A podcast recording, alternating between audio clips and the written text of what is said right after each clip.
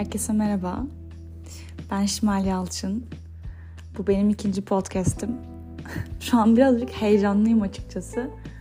Ee, çünkü ilk podcast'i kaydederken hiçbir beklenti olmadan kaydetmiştim ve aslında sadece bir beyin akışıydı benim için. Ondan sonra tepkilerinizi almaya başlayınca ve yorumları almaya başlayınca çok heyecanlanmaya başladım.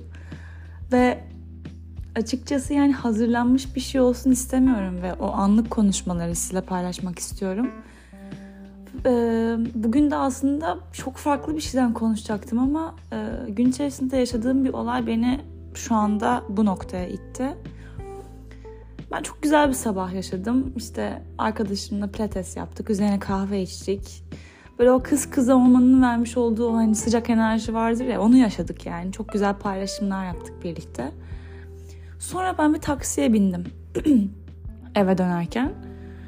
Ve yani taksici beyefendi çok çok sinirliydi. Ee, ve her söylediğim şeyi tersledi. Yani işte ben hani Tarabya'ya gideceğim dedim mesela. İşte nereden çıkacağız bilmiyorum. İşte ondan sonra yokuş yokuştan mı? E, yokuştan çıkılmazsa böyle çok alakası yani şu anda anlayamadığım bir şekilde e, çok ters konuştu benimle. Ben de her seferinde böyle sakinlikle hani ben size tarif ederim sıkıntı yok işte önemli değil falan. Sonra o bir yokuştan çıkarken şimdi ikiye ayrılıyor yol ve gidiş geliş ve eğer bilmeyen biriysen orada kaza yapma olasılığın çok yüksek oluyor. Ben de ona dedim ki sağdan çıkmanız gerekiyor.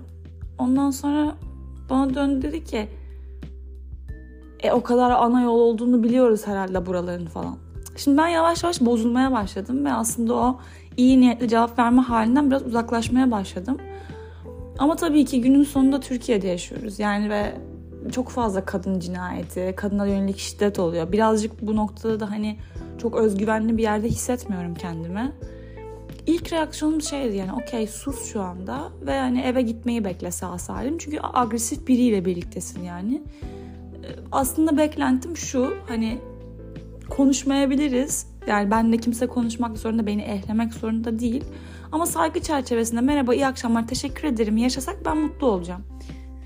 Her zaman böyle olmayabilir ve bunu da kabul etmek gerek. Ama içeride bir şey beni rahatsız etmeye başladı. Yani benim ee, hani ben güzel bir sabah geçirdim ve gerçekten iyi hissetmek için uğraşıyorum. İnsanlara iyi gelmek için de uğraşıyorum. Bu benim birazcık doğam, biraz da yapmayı istediğim, amaçladığım şey. Yani ben kendimi iyi hissedersem eğer insanlara iyi gelebileceğimi biliyorum. Ve bunu çoğalmasını istiyorum. Çünkü bence bu enerji çok iyileştirici bir enerji ve bu dünyaya yayılsa şu an hani dünyada sorun olarak gördüğümüz birçok şey az olurdu. Neyse bu benim kendi hayat yolculuğum ve hayatımdaki hedefim ama burada böyle haksızlığa uğramış hissettim ve açıkçası bunu dile getirmek istedim. Çünkü bence şöyle oluyor. Kötü bir deneyim yaşıyorsunuz mesela sabahın köründe ve bunu eğer ifade etmediğiniz zaman e, günün başka yerlerinde bu bir yerden fışkırıyor.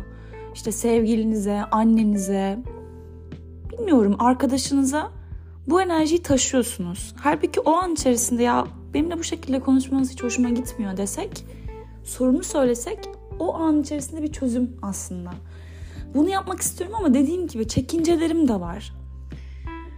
Ee, yine de birazcık susmayı ve hani eve gidene kadar beklemeyi düşündüm ve bekledim de.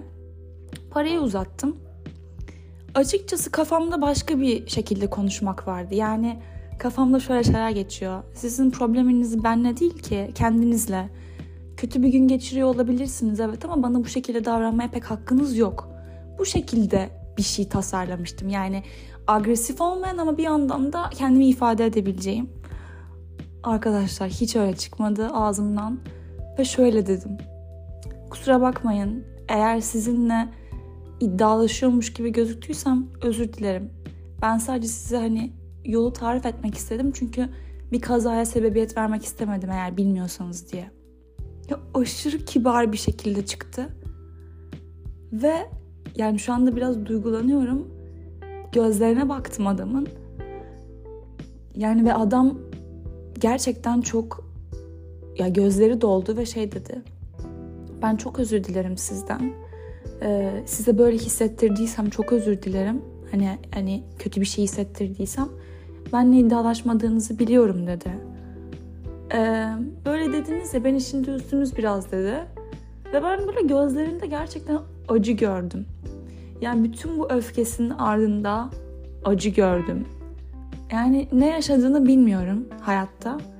Ama bence bir şekilde kendini ifade etmeye çalışıp içinde sıkıştırdığı bazı şeyler var. Ya burasını kesin olarak biliyorum. Ve o yüzden bugün de ben öfke hakkında konuşmak istedim. Çünkü bence toplumca öfkeli gördüğümüz insanları ötekileştiriyoruz ve böyle ittiriyoruz işte. O zaten öfkeli biri, o zaten asabi. Ve öfke doğamızda salt olarak var olan bir e, duygu değil. Yani bu yüzden böyle hatta araştırma yaptım ve öfkenin bir kökenine baktım İngilizce kaynaklardan ve e, grief ve pain'den geliyor. Yani acıdan, e, kayıftan, e, kayıf ne demek ya? Kayıptan, tasadan, e, buralardan geliyor. Korkudan geliyor mesela. Hmm, şöyle ki ve başka bir kaynakta mesela Fransızca kaynakta da Fransızca öfke koler demek. Koler kökeni koleradan geliyor. Yani bizi enfekte eden, bizi zehirleyen bir hastalıktan geliyor aslında. Şimdi bunun altlarına bakmak lazım. Yani neden bir insan öfke, öfkelidir? Ee, ve öfke birinci bir duygu değildir. Yani büyük ihtimalle öfke patlaması yaşayan insanların altta çözemediği, kendini haksızlığa uğramış hissettiği bir yer var. Ve burayı ifade ettiklerinde ve bu ben de yaşıyorum bunu. Kendimi ifade ettiğimde genelde öfkem ağlamaya dönüyor. Yani birinci olarak yani hayal kırıklığı yaşadığımızda öfkeye çeviriyoruz bunu. Çünkü bu bir kendini koruma mekanizması. Bir insan bizi üzdüğünde arkadaşım beni çok üzdün ya, kalbimi çok kırdın demek yerine öfkelenmeyi tercih ediyoruz. Ve öfkelenme dürtüsü aslında olaylar üzerinde kontrol etme isteğimiz. Ya o kadar kendimizi kaybedeceğimiz korkusuyla sarılıyoruz ki vücudumuzu bu korku sarıyor ve biz de bunu yönetmek için öfkelenmeyi tercih ediyoruz. Bugün bunu yapmak e, gerçekten öfkeli birine çok kibar bir yerden ve çok kalpten bir şekilde konuşmak e, onu ve beni aynı zamanda e, kalbimizle aslında bir iletişim kurduk. Bittiğinde şu anda da biraz duygulanıyorum. Ee, bilmiyorum bende bir şey tetikledi büyük ihtimalle. Şunu fark ettim yani öfkeli bir insana hani öfkeyle cevap vermek şey gibi. Mesela kolunun kırık olduğunu görüyorsunuz o insanın. Ve şey diye karar veriyorsunuz. Ben de diğer kolunu kırayım ya. İşte hani egom okşansın, haklı olayım falan. Buna hiç gerek yok. Yani ben orada egomu bir 3-4 dakika içerisinde, içerisinde sakinleştirdiysem herkes yapabilir.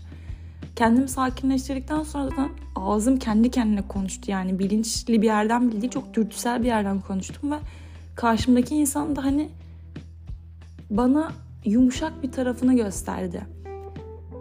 Ya ve bu bence çok etkileyici bir şey. Beni çok etkiledi.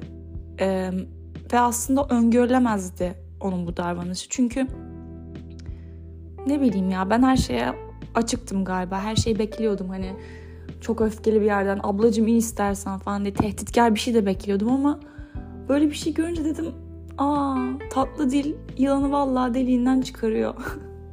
Buraya hemen bir atasözü ekleyeyim dedim. Ee, bunu paylaşmak istedim yani. Sonra mesela bir psikoloğun araştırmasına baktım ve Christian Baudry diye Fransız bir psikolog diyor ki sinir bizi söylenmemiş zonlara kapatır. Yani içimize atarız.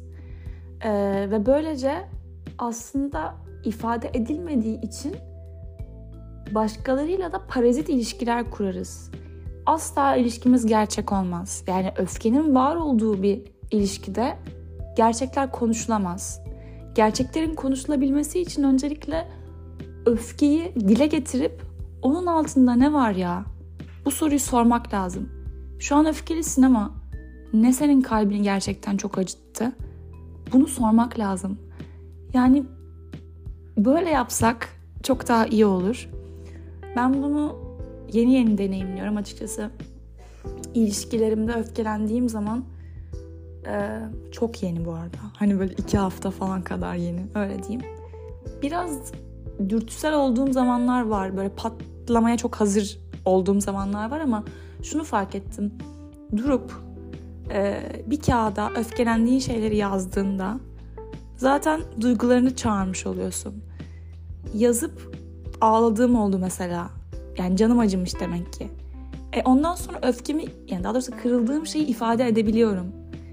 Bana böyle böyle yaptın ya ben böyle hissettim. Belki de ben yanlış anladım ama durum bu diyebiliyorum. Bence öfkeyle kalkmayalım, zararlı oturmayalım diye böyle bir kamu spotu şey yaparmış bunlar. Bugünlük benden bu kadar. Beni dinlediğiniz için çok ama çok teşekkür ediyorum.